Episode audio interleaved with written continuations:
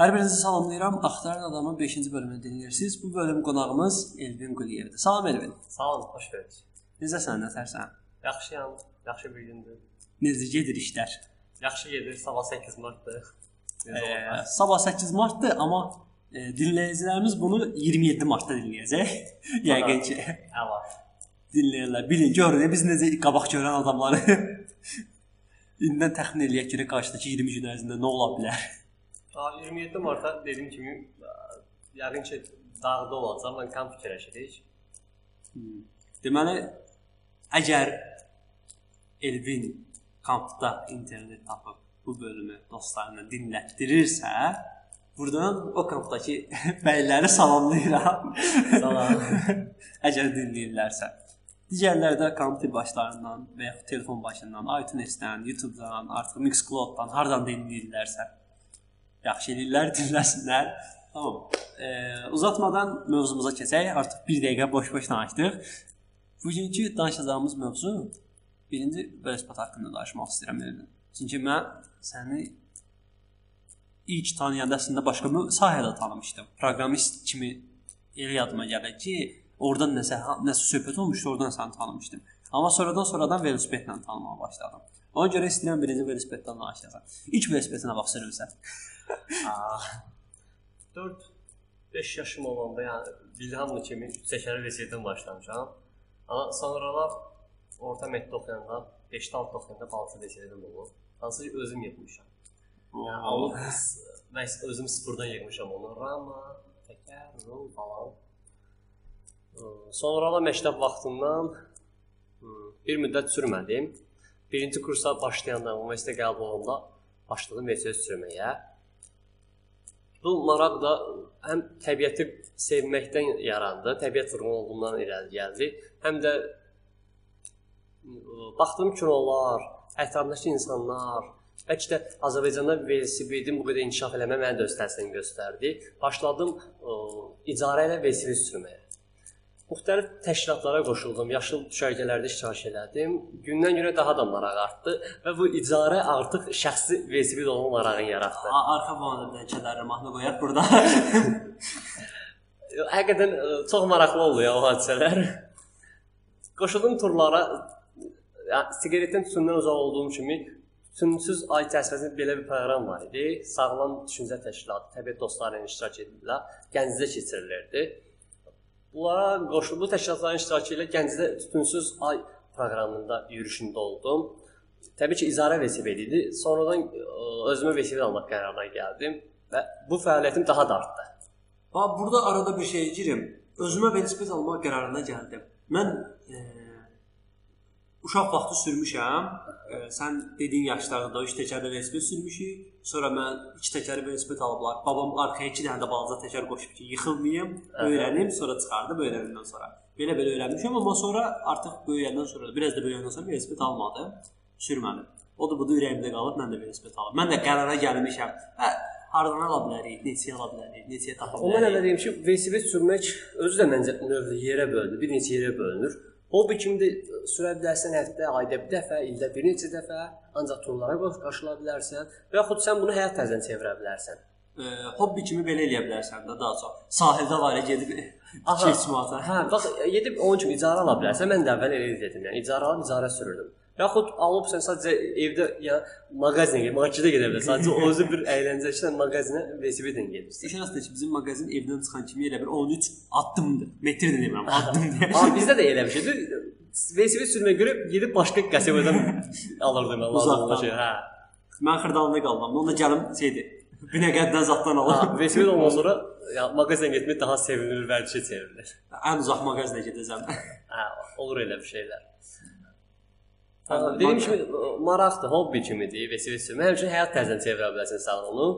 Şəhərdə parkinqlər var. Gətirib alıb velosiped alıb parkinqlərə bağlaya bilərsən, qoya bilərsən və hər gün demək olar ki, avtobusdan istifadə etmirəm. Hər gün istifadə edə bilərsən. Artıq bu sənin özünə məsuliyyətdir. E, qiymət məsələsinə Velosiped qiymət hər cür qiymətli velosipedlər var. O baxır sən ə, nə hansı növ velosiped almağına. Şəhər yürüşləri üçün velosipedlər var. Düz başımızın yolların havasını nəzərə alaraq bəzi velosipedlər var ki, əlverişli deyil. Və yaxud yolları, bir qədər pis yollarımız var. Və yaxud turlara getmək istəyirsənsə, MTB, mountain bike deyilən bike növləri var. Bunlar almaq daha məsləhət görərdim. Çünki istənilən yerdə sürə bilirsən bunları. Ancaq uzaq yürüşlərin olacaqsa, yol səyyahı olasan, səyyah olasansa, road yol velosipedi, yəni yürüş daha yaxşıdır. Road Yəni, bike. çünki e, burada belə bir şey var. E, şəhərdə sürürəm, sonra gedirəm, məsələn, Yevlağa gedəsi oldum, e, Ağsudan gedəsi oldum, yəni dağda sürdüm, şəhərdə sürdüm, düzənlikdə sürdüm, qumluqda sürdüm. İşinə sənin yenə deyirəm, mountain bike yarı-yar. Amma sürət daha sürətli yol qət etmək üçün, daha çox yol getmə, qət etmək üçün road bike-lar var. Hansı ki, bunlar daha çox təchiz olunub sürətlə daha yaxşı sürmək olar. Bizim əslində velosiped sürməyənlərin bildiyi iki növ velosiped var. Aha. Adi velosiped, skorostu velosiped. Təbii ki, hamımız da, yəni VC sürəndən sonra bunları daha çox araşdırıb daha çox məlumat əldə edəsiniz. Və Başlanğıc məlumat kimi deyim ki, mountain bike və road bike seçimində iki seçimdə birini etməli olasınız. Çünki hazırda şəhərimiz üçün ən uyğun bunlardır. Mən ha istəyirəm səndən onların qiymətini öyrənəm. Bir təxmini rəqəm. qiymət özü də böyük bir mövzudur. Təxmini rəqəm hmm, normal bir velosiped almaq üçün təzəsini almaq istəyirsənsə, hazırki qiymətlərə, maliyyə hesabları, devalvasiyaya baxana görə ən azı 500 manat pul pula ehtiyac var. Bunu bunu 300-ə razılaşdırmam bir velosiped alım. Qonşu dövlətlərdən gedib ucuz ala bilərsiniz. Gürcüstandan, İrandan, ən çox Gürcüstandan daha ucuz qiymətə ala bilərsiniz velosipedləri. Gömrükdə Gürcüstandan sürə-sürə gəlim. yox, gömrüyü əlinizdə keçirə bilərsiniz şəxsi mülk kimi, sonra yenə hər hansı bir yük maşını gətirə bilərsiniz. Şəxsi yük kimi o gömrükdə, o sırada onu mən əlimdə. Onlar götürənlər var. Acı telefon Yığılan velosiped var. var. Yığılan velosiped növləri də var. Yenə deyirəm, istifadədən asılı olaraq hər cür velosiped növləri var. Ya da ki özüm söküm velosipedi, sumkaya yığıram. O da olar. Metroda e, velosiped apara bilərsən, söküb. Söküb paketə qoyub daşıya bilərsən. Yəni əsas onu səhv etmirəmsə orta hissəsidir, bitişik olaraq. Təkərlərin birləşəcəyi. Onlar adətən köhnə Desna deyirlər, rasiski velosiped növləri var, Desna. Uşaqlığımız onunla keçib deyin. Onlar daha yaxşı idi sökülmək üçün. İndi elə təsvir elə velosipedlər yoxdur. Vasitə çox azdır. Dediyim həmin Gürcüstan marka velosipedlər var. Elə eski maşınlar demişkən, fikir ver, rusların maşınları elə düzəldirdilər ki, rahatlıqla söküb yığa bilirdi. Yəni maşınlarda belə elə idi. Yəni kimdən soruşsan ki, 0607-ni təmir edə bilərdi, amma hər adamın ya Hyundai-dan başı çıxır, ya Mercedes-dən çıxmır, ya ondan ya bundan qaçır. Yəni ruslar daha çox nəzərə alırdı ki, bu adamlar bunu dağıdacaq, tikirlər qoyacaq, biraz vəhşi adamlar. Qoy rahat sökülsün, yığılsın. Sovetin cür faktları var idi yəni. Amma indi faktorada da. istifadə eləmək daha keyfiyyətinə baxanda ki, onlar işə yaramır. Hə. Təhlükəsizlik cəhətdən, sərfiyyat cəhətdən yəni, yaxşı deyillər o qədər. Deməli 500 manat deyirsən.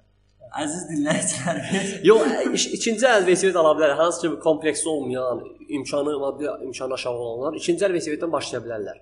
A, təzə başlayan üçün həm məsləhət görünür ki, gedib yəni birbaşa brend velosiped almasına 1000, 2000, yəni 7000, 10000 velosipedlər var. Sən deyilmi ki, yəni get, nə bilim, downhill velosipedlər al 7000 neçəyə. Mən özüm də yəni ucuz velosipeddən başlayıram. Başlayırsınız hamı kimi. yəni mən əslində ağlımda 300 manat tutmuşdum ki, 300 manatım olsa, gedib bir velosiped alaram. Var. 300 manata da velosiped ala bilərsən. Dediyim kimi o orta qiymət dedim mən. Yəni o, o sport, sport gedir də sən səfər etmirsən.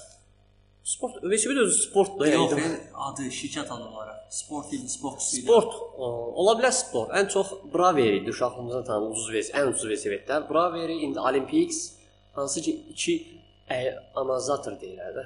Hə, 2 porjenli, 2 porjenli velosipedlər var idi. Hə, porjen deyilir. Bunlar ən ucuz velosipedlər bunlar sayılır. 100 manata da tapa bilərsiniz onlar. Yəni başlamaq üçün, öyrənmək üçün yaxşıdır. Öyrənmək deməyək. Yəni, Yəni, siz necə? əvəzsiz- Əgər hə, yəni bayaq dedin ki, velosiped baxır nə cür sürəcəksənsə. Əgər biz bunu hobbi kimi sürəcəksə, həftədə bir dəfə sürəcəksə, və yaxud ayda bir dəfə sürəcək, ya da ki, belə mağazaya gedib gələndə sürəcəksə, yəni 700 manat, al 800 manat, ya 500 manat verməyə varınızsa dəyəri, yəni yoxunuzsa dəyməz. Mən özümün də velosipedim olub neçə dəfə, yəni uşaqlıqdan. Həmin o dediyimiz Olympus daha ucuz keyfiyyətsiz, bir qədər keyfiyyətsiz sayılırlar. O o cür velosipedlər işimə yaramadı. Çünki mən görürəm ki, bu velosipedlə daha pis yollara gedirəm, daha küləkli yerlərdə sürürəm, yürüşlərə qatılıram. Bu məni həm daha çox enerji bitirməmə gətirib çıxarırdı, həm də əlverişli deyildi. geri qalırdım yürüşlərdə. Tamam, e, velosiped alanları nəzərə alaq. İndi e, alıb istifadə edirlər. Ən çox əlavə velosiped əlavə olunanlar ən çox nələrə diqqət eləsinlər, nə, nələrə əlavə eləsinlər ki, yəni təhlükəsizlik baxımından və yaxud Velosiped alarsan bir Hə. çox e, üzr istəyirəm. Sual verdim sonra haraya girdi. E, deməli, e, ən uşaqları daha çox əvvəllərdə, arzu 3-5 il əvvələ qədər onlar da biri hətta əli o qədər yaxşı idi ki, onun adamın işi sökmək idi. Alırdı, sökürdü. Yəni bir də aksesuar alırdı. Falan şeyini sökürdü, onu qatırdı, bunu çıxardır onu. Yəni daha çox gördüyümüz nələr olub? E, arxa fon işıqlı, arxa işıqdır, qabaq işıqdır, nə bilim, siqnaldır. Yəni elə xırda kilometr göstərəndir, elə aksesuarlar görmüşük. Amma ciddi-ciddi velosipedin gərəkli aksesuarlar. velosipedə gərəkli aksesuarlar, əsas aksesuarlar o ki, yəni velosiped alarkən diqqət yetirməli şeyləri soruşdum ki. Velosiped mümkün qədər yüngül olmalıdır. Yəni o sənin hər istifadənə çox yararlıdır. Daşınmada da, yürüşdə də, yəni istənilən halda. Amma sürətli gedişdə yüngüllüyü, Yenə də önəmi var. yüngül yəni. aha. Yəni külək səni uçurmayacaq. Yox, o külə uçurmamaq üçün velosipedlərin fikir versə orta hissəsində heç bir şey yoxdur, yəni boşdur. Sadəcə borudan ibarət ki, küləyə qarşı daha davamlı olsun. Bildim. Amma mümkün qədər yüngül bir ki, şey yoxdur o yüngüllük də onun ramasında olur, ramasının hazırlanan materialı. Hazırda ən yaxşı karbon hesab olunur hesab etmirəmsə. E, sən hal-hazırda özünün şəxsi velosipedin var? Bəli, var. Adı Stes. Stace. Neçə almısan? Mən almışam. Mən düz işləmiş almışam ikinci əl. Amma almısan. 50 manata.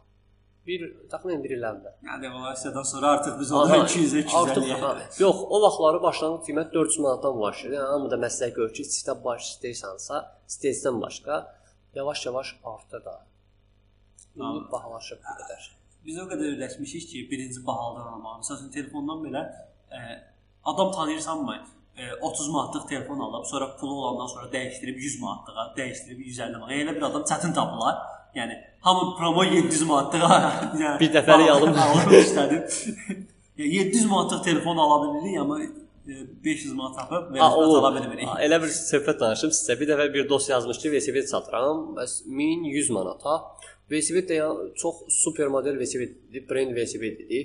Amma bunu velosiped elanı qrupuna yazmamış. Başqa bir qrupda yazmış. Hansı ki, burada qrupda olan şəxslər, userlər bu velosipedin qiymətindən, keyfiyyətindən məlumatsız idilər. Bir nəfər gəlib yazmış ki, velosipedin qiymətini soruşmuş. Heç oxumamış da, inan bilməmiş tam. Demiş ki, 1100 manata satılan velosipedi. Adam gözü kələsi olmuş ki, 1100 manata gedib 011 zad alır. Yəni velosiped nədir? İnsanlar yəni 011 marka və ya söhbət edir rasist marka maşını velosipeddən üstün sayırlar. Yəni hər kəsin bir zövqü var da. İndi maşın xoşlayan var, velosiped xoşlayan var. Ümumiyyətlə bizim kimi kompüter xoşlayan Ha, var. yəni kompüter alıb da ondan sonra deyirəm evdən çölə çıxmayacağam mən. Ya da mənim işim bunun üzərindədir. Yəni hər kəsin bir zövqü var. Əgər velosiped xoşlayanlar varsa, üzürü saysınlar bu bahalı qiymətlərə görə. Velosiped sevməyən çox az adam var səninəcə. Əslində sevib, amma sürə bilməyib deyə davamlı bunu vərdiş halına çevirə bilməyənlər var. Məsəl üçün qrupda deyirik, uşaqlar gedək velosiped sürməyə, 3 nəfər deyir, ay mən də getmək istəyirəm amma sürəmirəm. Aha.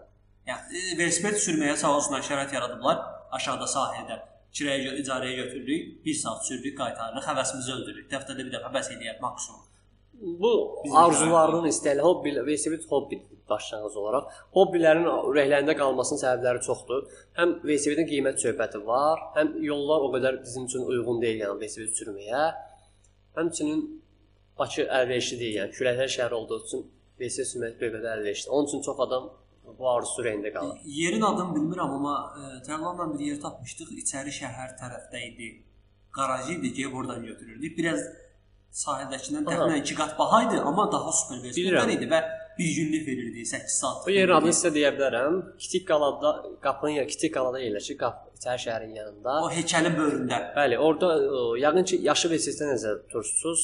Təbiət dostları. Bilmirəm səhifənin adı necə gedirdi, amma yəni İcarəyə icarəyə verirlər, bəli. Yadıma gəlir çünki onunla bir dəfə Tərlanla götürdük. Bütün şəhəri gəzdik də, içəri şəhərdən tutmuş sahil, Nizami, 28, 3 dəfə fırlandıq da. 4 saatlıq götürmüşdük. mən də icarəyə götürüm velosiped oradan. Çox yaxşıdır, sərfəlidir. Həvəsin sən necə? Yəni mən əslində bir gün 4 saat sürdümsə, bu mən 1 aylıq bəsdir. yəni bir günə çünki sən e, həftədə bir dəfə 1 saat sürsən, bəs eləməz. Çünki aylıq 4 saat sürür, amma bir günə 4 saat sürəndə o qədər enerji getmiş olur. Onun ağırlığı məndən elə bir aya sonra çıxır. Bu da e, kompüterizə insan bağlanır, kompüterə, gəzməyə, tura. Velosiped də onun kimidir. Həyat tərzinə çevirirsən, artıq sən gündəlik sürməyəndə ürəyin sıxılır. Darıxırsan. Bəs velosiped sürəndə ən çox başına hansı maraqlı hadisələr gəlir? Maraqlı hadisələr ən çox ümumiyyətlə velosipedlə bağlı hadisə deyəndə ağlıma birinci qapı gəlir. Qapının açılması, hər hansı qapı, maşınların qapısının ya hər hansı evin mi, qapının böyük qapılar açılır, yəni problem olanda. İnsanların yolda qarşına çıxması, maşınların yol verməməsi, üstümüzə sürməsi, bu cür təhlükə hadisələr çox olur. Mən şəhərdə sürəndə sağdan gedirdik. Və maşınlarla biraz yol verdilər. Arada xırda problem yaşayırdım, arada yol verdim. Mən indi 4 saat sürmüşəm. Ona görə çox da problemlə qarşılaşmamışam. Sən indi Bununla bağlı bir dənə şey danışım. Təhlükə ilə bağlıyım da. Badımcan taksilər var da hansı ki, Aha. London, London taksiləri. Bunlar ən çox bizə problem yaradan 3 mənim şəxsən başıma gələn böyük problem biri London taksiləridir. Mən yer tapmasam da hansı ki qatar reysinin üstündə, reysin üstündə birində mən getsəm, o bir reysin üstə badımcan taksi gedir. Yəni mənim girmədiyim yerlərə bunlar girirlər də və bu cür hallar. Allah hər yerə girir. Bizdə qalırıq belə. Sürə bilmirik. Elə dedim bizdə qalırıq ki, mən sürürəm belə sonra. İnşallah qismət olar. Çox sağ ol. Tamam.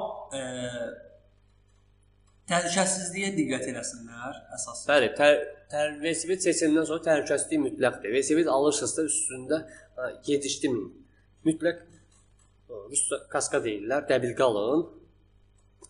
Və dəbilqə velosiped üçün xüsusi əlcəklər var, əlcəklər, ön və arxa işıqlar, bunlar çox vacibdir. İşıqlar əgər gecə sürməyəsinizsə, işıq o qədər də önəmli deyil. Gecə yürüşə çıxanda işıq ala bilərsiniz, amma ancaq dəbilqə mütləqdir. Eee, bir o işıq var. Velosipedi sürdükcə özü enerji verir, işıq işləyir. Yəni sən daş sat qoymursan da xərci olmur əlavə. Onlar bir qədər Baha olur. baha olmur. Ancaq ki ə, rus modeli bisikletin üzərində gəlir də hansı ki təkərə qoşularaq ə, işıq sənin enerjinə təmin edir. Mən elə şeylər daha çox maraqlı gəlir ki, yəni e, sırf enerji işlətmirsən də əlavə enerji. Öz o zaten o velosipedi sürürsən, sürdükcə də enerji əmələ gəlir, onu enerjiyə çevirsən də yəni o hərəkəti. Bu cür ə, elektrobayklar bilirsiniz ki, geniş yayılıb, artıq pedallamadan elektrobayka keçir. Bir çox şirkətlərlə keçir. İnsanlar özləri də maraq göstərirlər buna. O günü bir elə bir bir xəbər gördüm. Elektrobayk idi. Pedallayarkən ə, elektrobaykın enerji hissəsinə enerji yığır. Həm belə Və işlər pedallamayanda enerjidən istifadə edirsiniz. Həm sürə bilirsən, həm də elektron. Bəli, bəli. Ücə motosikletə çevirirlər ki, o velosipedi. Motosiklet deməyək, elektrobayk çox yaxşıdır, çox əlverişlidir. Yəni Niyə? Hə, yorulursan, Bakı üçün çox əlverişlidir. Çünki yollarımız çox yəni düz yollar çox azdır. ya və maşınlara görə də ya sağ sol, sağ sol, sağ sol, dayansız svetofor tez get 5 saniyə qalıb. Elektrobayk çox yaxşıdır yəni. Ee, bir də ən çox mənə maraqlı olan o idi ki, ona necə aparat qoşa bilərəm? Orada da enerji ala bilərəm. Sırf sözün bateriyaya enerji yığıram və yaxud bir nəsə formada sürdükcə enerji yığılsın. Sonra mən başqa məqsədlərlə işlədim. O yenə Çox kiçik enerji olacaq, bilirəm, amma yenə. Yox, kiçik yox. Əksinə daha böyük enerji ala bilərsən sən onu. Dediyim kimi, elektrobayk akkumulyatorunu sən öz pedalın vasitəsilə doldura bilərsən. Telefonunu araşdıra bilərsən bununla bağlı. Elə bir şey qoşa bilərəm, telefon zayitkaya qoyub. Bəli, bəli, olar. Yəni məsələn bu maraqlı bir ideyadır. Fikirləş velosipedinə qoşursan, telefon zayitkaya qoyursan sürdükcə. Bəlkə də bu ideya artıq reallaşdırılır, reallaşdırılıb startap olaraq. Məlumatsızıq. Əgər reallaşdırılmayıbsa da dinləyicilərimizə məndən hədiyyə olsun. Olsun. Kim tez dinləsə. Bu danışacağımız mövzuda bir daxçılıqda da var. Dağlarda bilmiş elektrik yoxdur, telefona zaryadka lazım olur. Pedalla enerji yığmaq yaxşı bir şey olardı. Zənnimcə. dağa çıxanda yolda yığasan. Var idi, elə bir şey görmüşdüm onu da, yəni əllə pedal fırlayıb enerji yığmaq. Yəni ən azından belə deyim, velosipedi sürərkən əgər ondan enerji ala biliriksə, bunu yönləndirə də bilərik ki, telefon. Sadəcə telefonlarda belə bir şey var ki, telefona məsəl üçün e, neçə voltdan az ya da çox gələndə telefona problem. Aha. Onu tutuzdurmaq məsələsi. O- Elə bir şey qoşursan ki, Təmizləyici tənzimləyici qoşmaq lazım. cihazlar qoşmaq olar. Sadəcə xərci məsələsində gedir olar. Yəni niyə? Çünki əgər onu qoşmağımın xərci o qədər baha olacaqsa, ondansa 2 dənə adapter şey alaram, baterika alaram və yaxud o zapaz şeylər olur. e, nə deyirlər? Akkumulyatorlar. akkumulyator demirlər, daha doğrusu başqa şey deyirlər. Şununla şəhərdən taxırlar, Aha. telefona zərf yığır. Power blank deyil. Power blanklar. Hə, yəni velosipedi qoşduğum baha olacaq. Sonra sonra power blank alıram. Power blank ə, həmişə işinə yaramayacaq axı. Power blank ə, məsələn yol gedirsən, sənin imkanın olmur evdə qoşub power blankı va- doldurasan bateriyasını. Yox, əgər power blankı full doldurduğun, yəni bilirsən ki, telefonun içində bir dənə full var, power blankla da 2 dəfə doldura bilərsən. Bəs velosipeddə nə ehtiyac var onun sizə? Velosiped başqa mövzudur. Biraz qay. Yox, nəyə görə dedim? Yox, e, power blankın qiymət məsələsinə görə. Əgər mənə keyfiyyəti vermirsən, mən velosipedlə elə bir şey eləyə bilərəm ki, 7 dəfə telefonu doldura bilərəm və xərci power blankdan ucuz gələrsə, hə onu almağa yarayır. Yox, xərci az gəlirsə. Nəysə, buranı yekunlaşdıraq, çox qaçışdırdıq. E, kiçik bir fasilə verək, Elvin özünün seçdiyi bir mahnını burada dinləyin. Sonra digər mövzumuza keçərik. E, adı- adamı dinləmək üçün indi hardan dinləyirsiniz bilmirəm. E, YouTube-dakı kanalımıza mahnılarsız versiyasız şəkildə mahnılara görə müəllif hüququna görə problem yaranır. Mahnılarsız versiyasız şəkildə yerləşdiririk. Playlistimizə abunə ola bilərsiniz. E, Mixcloud-a full şəkildə qoyuruq. İTunes-ə yerləşdiririk, saytımıza yerləşdiririk. iTunes-ə düşür. İstədiyiniz bir podkast proqramı ilə Axtaran adam yazıb abunə ola bilərsiniz. Facebookda izləyə bilərsiniz, Twitterdə tweet ata bilərsiniz. Askefemdə suallar verə bilərsiniz. Askefem səhifəmiz var. Hər həftə deyirik. Askefemizdə qonaqlarımıza olan suallarınızı verin. Gec də olsa. Yəni bunu çəkirəm. Siz bunu dinləyəsiniz hardasa 19 gün sonra təxminən 27-si bu gün ayın 7-si. Daha daha doğrusu 20 gün sonra, yəni 20 gün Səkkiz vaxt qalıb keçməyən 8 vaxt qalıb fikrimdə. 20 gün sonra dinləsəz də siz Elvinə olan suallarınızı mənə yönləndirirsiniz Askefemdən, axtaran adama profilinə. Mən o sualları Elvinə yönləndirirəm. Elvin cavablandırır və qrup səhifədə Elvinin adından cavablandırmış oluruq. Yəni ona narahat olmayın. Belə. Xoş meydanlar. e, mahnı fasiləsindən sonra yenidən bir yerdə olacağıq. Bizi dinləyin, bizimlə qalın. deyək, ümid eləyək dinləyəcəklər. Lan oğlum kal Uyan artık uykumdan Bak sosyal şizofren oldu Anlatamıyoruz hayatı Anlatamıyoruz yaşamayı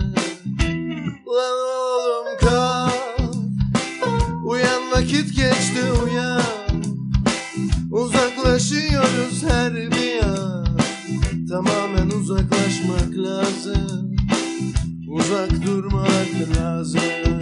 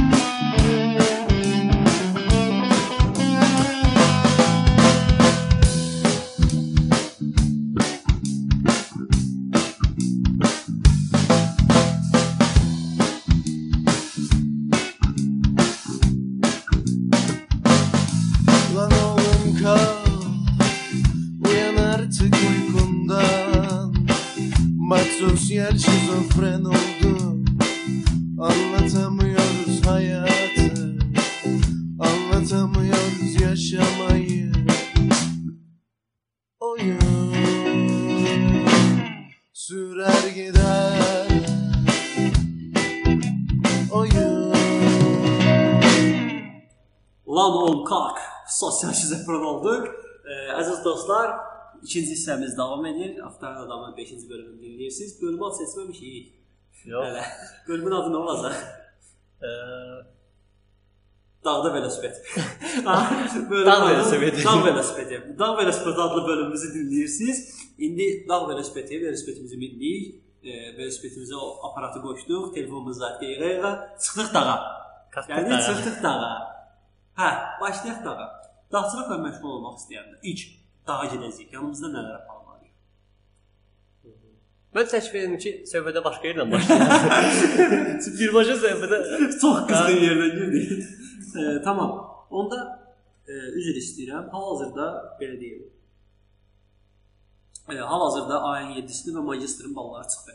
hətta əla xəbərdir. E, sənə gəlib SMS. Yox yəqin ki. Niyə SMS göndər bilək? Canlı yayında Canlı dinləyicilərimizə xəbər eləyək ki, deməli qəbul imtahanının birinci mərhələsində falan bal toplamısınız. Deməyəcəm balını. Deməli, e, Tərlanı tanıyırsan? Tərlanı. Ücə Real- ücə tanıyır. Tərlan, Tərlan deyirəm. Tərlan dedi ki, getdiyim imtahana hazırlaşmamışdı, eləməmişdi falan. Atdım. Aha. 58 bal yığdım. Aha. Ha, mən də hazırlaşmamışdım. Getdim və Tərlanın adını seçib getdim. Yəni Tərlanın şərəfinə getdim. Tərlandan artıq bal yığmışam. Hətta nə qədər təbrik 2 bal edirəm. Təbriklər. 60 bal yığmışam, amma indi yadıma düşdü. Bu gün uşaqlara dedim ki, əgər mən birinci mərhələdən 60 bal yığsam, Aha. ikinci mərhələyə hazırlaşıb 30 bal yığıb 90 balla girəcəm kursuna. Uğur olsun. 60-ı yığmışamsa, SMS göndər görək canlı yayında. Sən nə qədər yığmısan? Düz mən o qədər ə, ya həvəsli deyildim magistraturaya 77. qəbul olmağa. 23 qəpiyim var. Var, var. Dostlar, e, yorum hissəsinə yaza bilərsiniz. Əgər YouTube-dasınızsa, Mixcloud-dasınızsa, Facebook səhifələrini vurub dinləyirsinizsə, siz neçə bal yığmısınızmış 20 gün bundan əvvəl?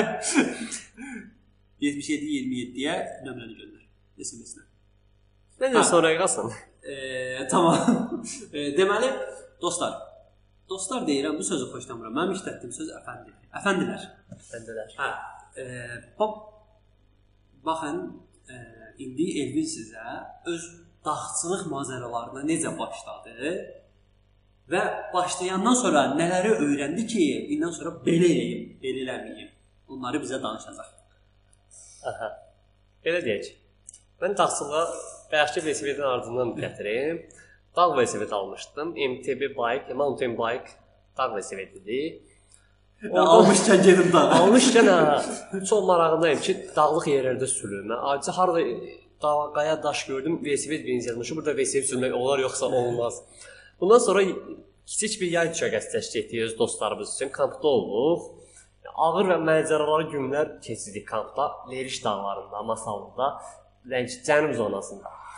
Bu cür maraqlı günlərdən sonra qərara gəldim ki, nəsə bunun adı gəlməz. Adrenalin hissi yaşamalıyam.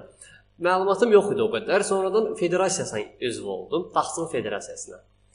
Hava və Ekstremal İlan Öyrə Federasiyasına və Dağçılıq məktəbinə yazıldım. Beləliklə o böyük həyəcanın başlanğıcı oldu. Yəni böyük günlərin başlanğıcını qoydum. Bu zə- zəng səsi əgər eşidirsinizsə, məncə eşitmirsiniz.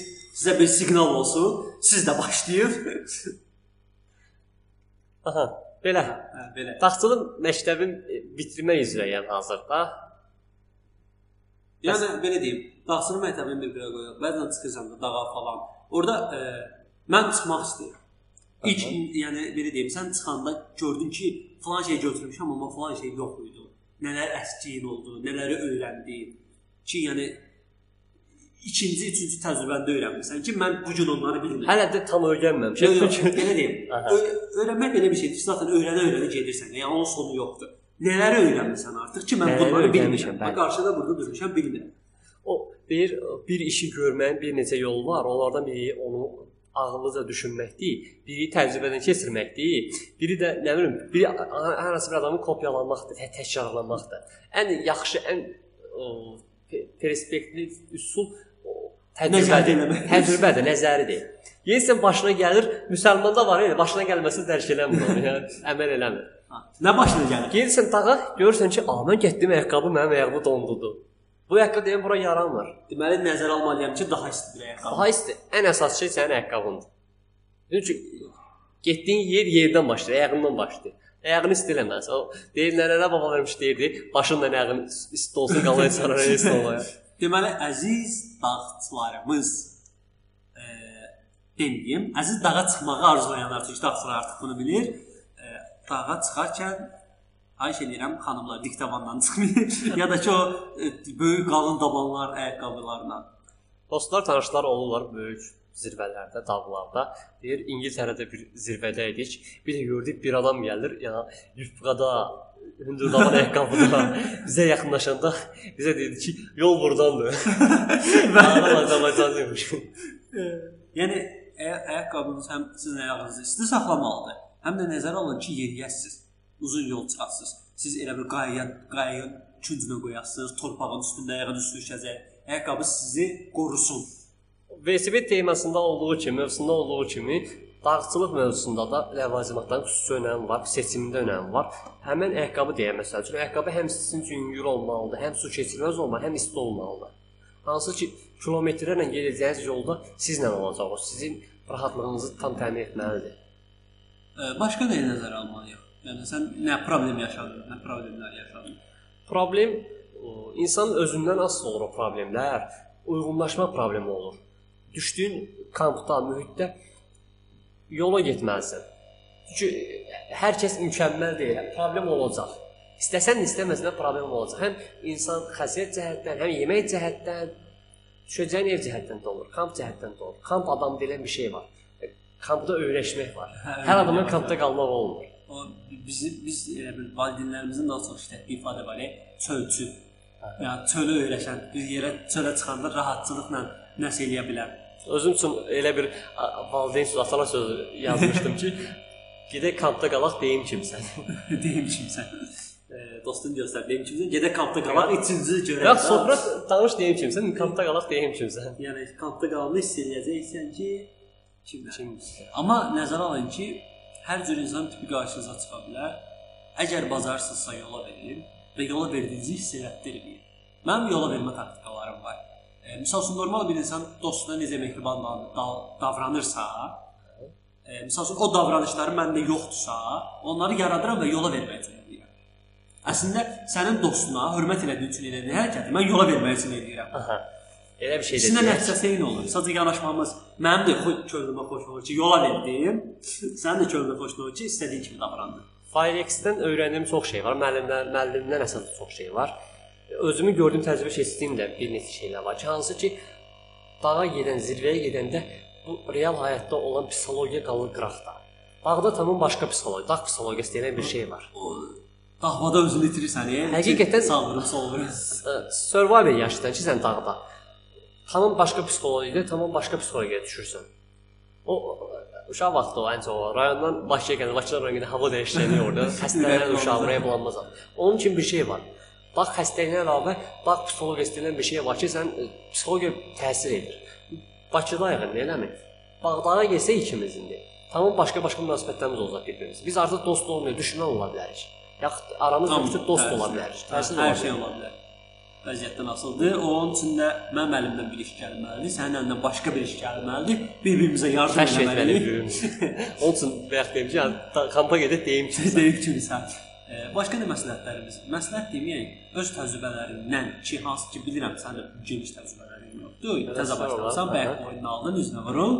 E, o bölüşmək istədiyin nələr var? bölüşmək istədiyim da bölüşmək deyəndə dağçılıqda gördüyüm, dağçılığın mənə verdiyi faydalarını danışa bilərəm sizə.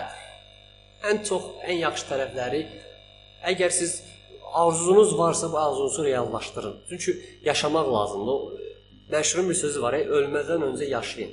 Bu niyə arzu olaraq sizdə qalsın ki? Yəni bundan vacib nə ola bilər ki? Mən məsələn dağçılıq həvəsim var, dağa getmək istəyirəm. Bunu sabah etməyə bilərəm. Bu gün üçün yaşamalıyam. Onun üçün keçmişi unudun. Xəyalınızda varsa, arzunuzda varsa, onun üçün hər şey eləyin. Tamam. E, əgər xəyalımızda varsa, istəyiriksə başladıq eləməyə. Tamam. Ayaqqabımı götürdüm, falan filan, onu götürdüm, bunu ləvazimatlar. Təxmini nə qədər pulla ehtiyacım var girişmək üçün? Heç nə qədər. E, yəni götürəcəyim əşyaları Təbii ki, o da bir zarafat. Dağçılıq əşyaları hazırda çox bahadır. O, kimi ya çadır olsun ya da ki tək nəfərli göy yatmağa çuval belədir. olur. sleeping bag deyirlər ingiliscə. Yataq döşəyi. Bunlar həqiqətən qiymətlər hazırda bahadır. Ancaq əgər bu işə həvəsli başlayırsınızsa, həqiqətən arzunuzsa, yəni hobbinizsə bunu etməyə dəyər, almağa dəyər. Başqa şey bayaq dediyiniz kimi telefonu adam alırsa niyə almasın ki, arzusu üçün reallaşdırmaq üçün? Amma bax, e, üzr istəyirəm. Telefondur, maşındır. Yəni bu şeylərdə kredit sistemi var. Aha. Və e, biz xırda-xırda da olsa ödəyib onu, yəni kredit sistemi bir yandan bizi məcbur edir ki, al. Çünki cibində 100 manat varsa, deyir bəs eləyir 100 manatdan onu almaq. Ayda 100 manat verib ala bilərsən. Aha. Yəni bizi məcbur edir ki, al. Bu tip şeylərdən, məsələn, velosipedi kreditlə satan yer varmı? Ya da e, dağıtçılıq əşyalarını kreditlə ala biləcəyimiz səfərimizi abal kartla ala bilərik. Aha. Bayaqlarım gözəl qeyd elədiniz ki, startap təklif eləmisiniz. İndi bu onun harda olur? Təklif edirəm ki, biz dinləyicilərdən kimsə bağçılıq əşyalarının kreditlə satışını təmin etsin. Tam olaraq bağçılıq əşyaları hər şeyi satılan mağaza yoxdur, ancaq müəyyən əşyalar onlar satılır. Hətta kredit kartları da satılır. Yəni Şəhər əgər mağaza- mağaza albalı kart işləyirsə, ya bu Bəli, bəli, kartlar bəli. işləyirsə, alıb kreditlə Bəli, bəli, mümkündür. Mümkündür. Bu cür marketlər, yəni idman malları mağazaları var. Tamam. Onda belə deyim. Minimum xərclə şəxsi velosipedimi alıb, lazımi əşyaları alıb, dağa gedib 2 günlük səndən qalıb gəzib gəlmək istəyirəm. Minimum xərclə. De görüm nə qədər xərcim Əgər çıxar. əşyalarınız Yox, varsa, bax, hal-hazırda mən tanıyırsan da, velosipedim yoxdur. Heç bir indiyə qədər heç dağa çıxmamışam, yəni maksimum getdiyim İllisudakı dağlar olub, yəni. Ə, ma tam bütöv maliyyə maliyyəni mən burada demək istəmərəm. Həm Qorxuzarsan. Qorxun. Bizi dinləyənlər qorxurlar ki, yəni bu qədər maliyyə dəyərmi ya? O velosiped söhbət kimi 1100 manata velosiped alarmı istəyirlər? Yox, mən yəni söhbət ilk velosipedimi alaram. Yəni 100 də ala bilərəm, 150 manata da ala bilərəm işlənmiş velosiped. İnsan özündə bir maneə sizdir ki, 1100 manata velosiped alar, amma 300 manata velosiped alandan sonra görürsən ki, bunun imkanları daha genişdir. Yavaş-yavaş sən onu almağa çalışırsan. Çünki e, bax, e, niyə görə bunu qeyd elədim? Hardasa 2 bölüm bundan əvvəl e, yox, daha doğrusu 3 bölüm bundan əvvəl. İkinci bölümümüzdə, bu 5-ci bölümdə 3 çıxanda 2 edir. Hə, ikinci bölümümüzdə biz səyahətdən danışanda baba nə bilir qeyd elədi ki, 2 nəfərə 7 günlük 300 dollara adam başına getdik, e, Türkiyədə qaldıq, gəzdik, gəldik ki, e, falan falan falan vasitələrdən istifadə elədik. Əslində normal bir adam mən şəxsən getsəydim, ən az tək başıma 600 dollarım çıxardı. Çünki biz öyrəşmişik çox xərclamağa. O amma bilirdi da ki, necə eləsəm daha az xərcim çıxar. O nəzərə alıb dedi ki, 300 eləyə bilərəm. Hətta yəni özünü sıxsan 200 dollara qədər endirə bilərsən. Aha. Sən də təxmin et. Ola bilər ki, sən ə, yeni başlamısan, hə, sən dağçı ləvazimatlar bahadır, çox xərcin çıxacaq. Ancaq o şeyi bir dəfə alırsan, ən azı 5-6 gedəcəksən. Belə deyim, hal-hazırda səhər desəm ki, sabah ki gedib dağa çıxaq. 2 gün qalaq gəl. Mənim artıq əşyalarım var. Sən- mən sabahlarım təkcə yol boyu götürüb dağa gedə bilərəm. Sumkama, rüzakıma yemək yemək yeyib. yemək qoyub gedirəm. Sadəcə yemək qoyub hə dağa gedə bilərəm. Mən ən pis variantı yolum çıxacaq. Hansı ki, yolbul da çıxmaya bilər. Mən yol avtostop edib gedə bilərəm, yəni pulsuz. Hansı ki velosipedlə müəyyən velosipedlə gedə bilərəm. Bəli, bəli. Çıxarıq, axşamı qalarıq, gecə ulduzlara baxarıq. Sıfır maliyyə ilə yəni eləmək olar. Yəni yeməyi evdən götürəcəksiniz. Ya da yemək alarsan. Mən də ki e, dostdan tanışdan bir praktika velosiped götürərəm. Ya elə o dediyim sözün içəri şəhərdə olan ondan 2 günlük götürərəm, full günlük. olar. Götürüb gedərəm. E, bir dənə çadır tapmaq, axşam qalmağa yeri lazımdır. Sənin çadırın yəqin ki o şeydir, döşəkdən, tək nəfərlikdən. Təşkil edərik. Anlataq. Üstə biz gedirik, sağ olun dostlar. Biz dağa çıxas oldu. Belə. Mən sizə velosiped haqqında tam əhatəli danışmasam da müəyyən şeylər çatdırdım. Dağçılıq haqqında Bağçılıq haqqında danış. Düzdür, qısa vaxtdadır dağçılıqla məşğulam. Mən dağlara getməyə çalışıram. Amma ancaq o qədər şey görmüşəm ki, yəni çox şey danışa bilərəm haqqda. Maraqlı əsər olur yol boyu. Yəni başına nələr gəlir? Biraz güldürək dinləyicilərimizi. Nələr gəlir? Məsəl üçün, o, getmişdi bu yaxınlarda Azərbaycan Respublikası üzrə buzadırmama çempionatı keçirildi. Bu Qusarın Ləzə kəndində oldu. Ləzədə şəlalə donmuş şəlaləyə dırmaşırdıq. Deməli yarış baş tutdu. Biz bu müddətdə Ləzədə bir qonaq evində qalırdıq. Bu qonaq evində bir gün ha, şkafın üstündə bir kitabça gördüm. Ha, not dəftəri gördüm. Hansı ki bu not dəftəri bu evdə qalan indiyəcə qalmış qonaqların qeydləri idi. Hansı ki bu qonaqlarda daha çox xaricilər idi. Hər, hər ölkədən orada qonaqlar var idi. İspaniyadan, ərəblərdən, farslardan, hər dildə qeydlər var idi. Bu çox maraqlı bir şeydir. Özüm siz axtaran adamsınız. Mən axtar məndə də var axtarmaqlıq, axtar. Yəni top mən toplayanam mən. Çox müəyyən əşyalar toplayıram, qeydlər aparıram. Bunlar çox maraqlıdır. Hadisələrdən Dağlarda məsələn ilk keçən illərin yayın sonlarında oldu. Dostlarımızla kampa getmişdik. Qəşəng amma gec getdik. Gecə saat 12-də çatdıq, kampı qurduq və o kampımıza girdik. Qəşəng yedi istik də orada yeriniz məlum. Səhər-səhər saat 6-7 radələr olardıq. Yağışın səsinə oyandıq ki, bir güclü bir yəni insan yağış sesi gəlir. Biz yayçadır ilə getmişdik. Şor peşman da hamımızda şort Vyetnam qazan. Şor peşman geri qayıtdıq, getdik şəhərin mərkəzinə Essos oldu. Belə maraqlı hadisələr Yəni var. yaxşı. Yəni bu təcrübəsiz vaxtlarım idi. Taxtçılara yazılmamışdım. Yenə də bir maraqlı hadisələr var amma Yəni bu- buradan da bir şey, belə bir şey var da başqalarının səhvindən nəsə öyrənmək. Yəni bilin ki, havaya da nəzər alın ki, yağışa düşərsin. dağlar getməzdən əvvəl yoxlanılacaq üç şeydən başlıca birincisi havadır. Havanı bilib çünki yığacağınız sumkada çox önəmlidir. O sumka sizin həyatınız, sumka sizin hər şeyiniz hə, var. qarşıdakı günlərinizdir, yəni Və həyatınız. əslində həyatınız deyəndə belə deyil. Gedərsən dağa, başına orada təhlükəli bir şey gəlməsə də yağışa düşər. Bütün elə bir o hobbini öldürər səni və ömür boyu bir də dağa çıxmaq istəmərsən və yaxud fobiya yaranarsa dağa qarşı ki, yağışa düşəcəm, yolda qalacağam falan filan. Ha, təhlükəsiz yürüşlər olmalıdır. Müəllimimiz dəfələrlə dönə-dönə deyir ki, yürüşünüzü özünüz özünüz sığordalayın. Bu necə ki, ipiniz sizindir. Yəni sizin həyatınız ipdən asılıdır dağçılıqda, dağa dırmanmada. Yürüşlərdə də, hikinglərdə belədir. Sizin sumkanız sizin həyatınızdır, sizin hər şeyiniz, yəni bütün əşyalarınız onun içində, yeməyiniz onun içindədir. Onun üçün sumka yığanda bu hava kimi şeylərə daha çox diqqət yetirilir ki, buna uyğun hazırlanmalıyıq. Çadırımızda da, geyimimizdə də, yeməyimizdə də Belə çadır, geyim, yemək. Hələ ki 42 dəqiqə oldu. Axırda bir mahnı oxuyacağıq, dinləyəcəklər. Gözəl bir mahnı. E, İndi yox, hələ biraz söhbət eləyək sonra. E, din, niyə dedim? Çünki axıra qədər dinləsinlər. e, mahnımız maraqlı mahnı olacaq. yəni Tarixi var mahnının. Elvin mənə dedi ki, bu mahnı bizim üçün çox önəmli mahnıdır. Artıq mən e, bu söhbətə eşidən dostların bilir ki, hansı mahnıdan bəhs edirəm. bu mahnı bizim yürüşlərimizdə, yəni bizim ə, teym olub yəni mahnı aramızda oxuyuruq, bu himnimizə çevrilib. Dağçıların himni. Baxın dostlar, sizin üçün dağçıların himnini gətirirəm. E, yəni bu deməyim odur ki, daima axtaran adamı dinləyin. Daha yeni bölümlərimizdə fərqli insanlar olacaq. E, bu yaxınlarda mən bir iki müraciət oldu, hansı ki, nəzərdə tutmamışdım o adamlarla bərabər veriliş eləməyi, amma təklif elədilər, mən də qəbul elədim. Onlarla bərabər verilişlərimiz olacaq.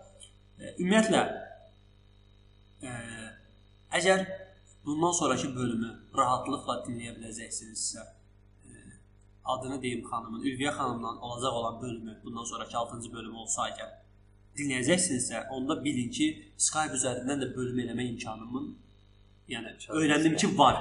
Yəni proses problemi yaranmır və e, sizi tanımam o qədər də şərt deyil. Əgər siz də öz dəyərli fikirlərinizi bölüşmək istəyirsinizsə, e, Facebook səhifəmizdən bizə yazın, əlaqə saxlayın, danışaq, gün təyin eləyək, səs yazma eləyək və insanlara sizin dəyərli fikirlərinizi, məsləhətlərinizi çatdıraq. Yəni belə bir söz var, ağıl ağıldan üstündür. O demək deyil ki, siz bir şeydə az bilirsiniz, çox bilirsiniz. Amma sizin bilmədiyinizi də o işdə bilənlər və yaxud sizin bildiyinizi də bilməyənlər çox olacaq. Siz də insanlara nəsə öz bildiyinizdən verə bilərsiniz. Necə ki, indi Elvin çalışdı ki, öz dağçılıq və velosipedçilik həyatından bizə bilgilərini ötürsün. Başqa nələr əlavə edə bilərsən? Başqa nələr? Aa, filmlər haqqında deyə bilərəm. Baxçılıq filmləri həddən artıq çoxdur. Gözəl. E, deməli birinci bölümümüzdə biz film məsləhətləri eləmişdik. Hə. Sonra problem yarandı. Məsələn, bölümlərlə əlaqədar film məsləhətləri eləyə bilmədik. Bu bölümün altına yazmaq istəyirəm. Elə 5-10 dənə filmdir. deyə bilərəm. Aa, velosipedlə bağlı filmlərə baxsam da, velosipedlə bağlı məşğul olsam da, həmçinin taxsili ilə məşğul olsam da, filmaniya və filmlərə çox baxıram. Onda elə birini mən deyim. E, bir Buyurun. dənə o adı kino çıx çıxdı. O e, neçə 100 kilometr piyada gedirlər Monqolistana çatırlar, oradan Çinə gəlirlər. Hiking edirlər. Şəkli də ki, avtobusun üstündə adam oturub, e, həmən ki Into, Into the Wild nədir? Filmin adı. Türkçəsinə gedir onun. Oo. Türkcə. Tam olaraq bilmirəm. uzun- Mən də adam yəni uzun yola gedir 5-6 nəfərlə yolda susuzluqdan falan. Into the Wild. Onun adını qeyd eləyirəm alta o filmi. Qeyd edərsiz, ha, baxmışam o filmlərə. Wild-də, Into the Wild-dır. Dağçılıq filmləri var. Touching the Void var. Everest var. Dağçılıq filmləri a, iki yerə bölünür. Sonlu yaxşı bitənlər, yaxşı bitməyənlər. Dağın başına. Aha, yaxşı bitməyənlər demotiva- demotivasiya olur. Dağçılıq və həvəsi olanlara, məşğul olanlara Yaxşı bitənlər. bitməyənlər. Niyə? Çünki Əslində sonlar, həqiqət, sonlar təhlükə, təhlükəsizlik əməl etməyənlər, uyğun dırmanış etməyənlər pis qutarır filmlərin sonu. Çox Ümumiyyətlə, təsir edici Hamı olur. o sonda ölən yaxşı adam olmaq istəyir. O bu yaxınlarda bir sorğu olmuşdu. O e, məni nə qədər tanıyırsan deyə Facebookda bir sorğu olmuşdu. Hamı öz haqqında şey deyirdi. Orada fikir verdim. E, hansı film qəhrəmanı olmaq istəyirsən, hə, daha çox adam bizə hansı variant seçmişdi? Sonda ölən yaxşı adam. Hamı o sonda ölən yaxşı adam olmaq istəyir. Çünki daha çox yadda qalır. Mən nədənsə o kötü qəhrəmanları seçmişdim. Niyə? Çünki məsələn e, Batman filmində Jokeri sevməyən varmı? yəni Filmlər də o maraq çox maraq araya yaradır. bax görsən öz filmlərimi də salıram sonra. Taxsillə əgər məşğul olacaqsınızsa, marağınız varsa, filmlər məsləhət görürəm ki, baxasınız. Çünki adamı həm motivasiya edir, həm təcrübə qazandırır. Adde, adde. Dediyim kimi Touching the Void-dir, Everest-dir, Ola bilər ki, e, ola bilər ki, hal-hazırda səsdən siz tam anlaya bilməzdiniz filmin adını. Biz e, yorum hissəsində deyim də YouTube-dakında da yorum hissəsi var, Mixcloud-da da var, Facebook səhifədə də var. hissəsində də E, yorum orada yekə bir izah hissəsi var bölüm haqqında isə. Oradan filmlərin adlarına rahatlıqla baxın, əldə edin. Ən misalda Facebook səhifənizin Askepimdə sual verin ki, maraqlı filmlər məsələn bölməsində yaxud mənə birbaşa mesaj da yaza bilərsiniz. Araya öz reklamını sal. Ha, filmlərdən dedim sizə North Face, Touching ə, Everest, həmçinin mənim üçün çox ə, xüsusi olan film Meru, hansı ki ə, 2015-ci ilin ən yaxşı bioqrafiya, idman bioqrafiya filmi seçilib. Gözəl. Mən onun dediklərinin təəssüf ki, heç birinə baxmamışam, amma Everesti planlaşdırmışam. Baxmaq istəyirəm. Everest məsləhət yəni çox əla filmdir. Həmin Baxmalı. deyəcəyimiz musiqi də bu filmdəndir, Touching the Void-dəndi. E, yəni sizcə filmə keçək. Elvin burada mən söz atır ki, daha qutular. Dostlar, axtaran adamı dinlədiniz. Bu bölümdə daha çox velosipeddən və dağçılıqdan danışmağa çalışdıq. Əgər həvəsiniz varsa eləyin. Yox, sizin həvəsiniz başqa sahələrdirsə, yəni hobbiniz nədirsə, hobbinizi yaşadın. Hobbi nədir əslində? Boş Hobbi- vaxtlarında etməyi sevdiyin. Hobbi deyəndə insanda deyirlər ki, kitab oxuyuram, gəzirəm, kəşf edirəm. Yəni hobbi odur ki, sənə deyəndə ki, hobbi nədir? Ürək dolusu danışa bilərsən. Hobbi budur. Əslində məsəl üçün ə, şəkil çəkiləni bilmirəm, amma adam tanıyıram, kitab oxuyuram deyir, hobbim və əgər soruşsan, yəni ürək dolusu danışar o kitabdan. Danışar, ha. Yəni elə adamlar da var da, cidden odur Var. çünki. Bağçaların arasında da var elə kitab oxuyan əjdahalar var, yəni kitab qurdular var. Var əlbəttə. Hobbi hobbini inkişaf etmək var. Və ə, fasilədə dediyim kimi o bir əldə bir neçə qabı tutmaq məsələsi var ki, hər adam onu bacarmır, vaxt çatdıra bilmir. Bir işin uğruna yapışmağı daha üstün tutur. Amma düzgün qarpızlar seçsəz tuta bilərsiniz. Bəli. Sizdən asıldır. Yəni əsas odur ümidinizi üzməyin. Etmək istədiklərinizə də vaxt ayırın edin. Yəni bu ayda bir dəfə, 2 aydan bir, 3 aydan bir olsa da, hətta 6 aydan bir olsa da, biz əsgərlikdə olsanız da 6 aydan bir olsa da gəlib o 10 gün fasilədə nəsə edə bilərsiniz bir hobbinizə. Mən fikirləşirəm, belə fikirləşirəm ki, o 6 aylıq fasilədən sonra gələrsən niyə ki, əsgərlikdən evə. O 10 günün 3-cü günü gedəsən sən dağa. Və respeti götürüb dağa gedəsən. Xeyirli işin inşallah. Hobbi dedik. Mən Hobbi- mən mən də gəlib radiomuz Yəni çəkiliş edər ya orada. Hobbi dedim. Hobbinin üstünlüklərindən biri də əzbərləri pozmaqdır. Eyni yoldan getmirsən, təşkilatçılıq eləmirsən. Sənə məsələn taxsının özü insana çox şey qazandırır. Dostdan tutmuş, dözümlükdən tutmuş, idmandan, səbirdən, hətta insanın kompleksinə qədər, egoya qədər sənə qazandırır ki, sən kompleksiz olsan artıq. Çünki dağdasan bir kampdasan, sən dostuna yalan satmamalısan. Deyə bilməzsən, alınmır səndə. Kompleksdən azad olursan. Bu cür müsbət şeyləri var ki, səni bağlayır o hobbiyə. Gözəl. Əziz dostlar, yekunlaşdıraq 50 dəqiqəni keçdik. Hələ sizə bir 3, 3 dəqiqədir, 4 dəqiqədir mahnımız var. 55 Üç dəqiqə. dəqiqəlik bölümü yekunlaşdıracağıq təxminən. E, Elvinə olan suallarınızı axtaran adamın Facebook Ask.fm səhifəsindən yönləndirə bilərsiniz. Elvin özünə Elvin A Quliye. O A nədir? Sən sən A nədir? O anın başqa bir tarixçəsi var, uzundur. Açıqlamaq istəmirsən, yəni. Ha, sadəcə İndi bax elə nədir? Girib Ask.fm-də yazacaqlar ki, o A nədir? soruşsunlar, izah edərəm məmnuniyyətlə. Mənə soracaqlar, mən isə yazacağam, uzun-uzun izah yazacaqsan, ora kopyalayıb yapışdıracağam. Amma bunu sevərək eləyərəm. Mənim üçün o problem deyil. Təki tək bilsən nədir? Mən hər dəfə hər bölümdə deyirəm, Askefin profilimizə sual verin. Hələ verən olmur. Amma 1-2 dənə sual gəlir artıq. Başlayıb 1-2 sual gəlməyə, maraqlı suallar gəlir. Ne- Necə ki, insan e, fikirləşib filan mövzu haqqında bilgi əldə etmək istəyir, soruşur. Təbii ki, deyirəm, yəni mən heç nəyi bilmirəm. Mən axtaran adamam. Mən axtaracağam. Tapacağam, sizinlə bölüşəcəm. Bugünkü söhbətlərimizlə bağlı istənilən suallara şəxsən özüm də cavab verə bilərəm. Sizin Ask.fm-ə sualları ünvanlasınlar, özüm girib yəni, cavablandırmağa hazıram. Askefemdən. E, işarə eləyir ki, Elvin artıq bitirək. Dedim, e, üzr istəyirəm. Mən artıq adət eləmişəm ki, qonaqlarımıza son söz verim. Aha, Verin. Ona görə də sənə son söz vermirəm. Özüm bitirirəm verilişi. Dinlədiyinizə görə təşəkkür edirəm. Növbəti bölümlərdə görüşmək üzrə.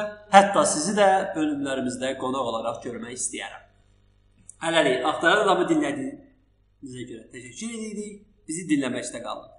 Elbinin o marşıyla, o himniyle bölümümüzü sonlandırır. Sağ olun.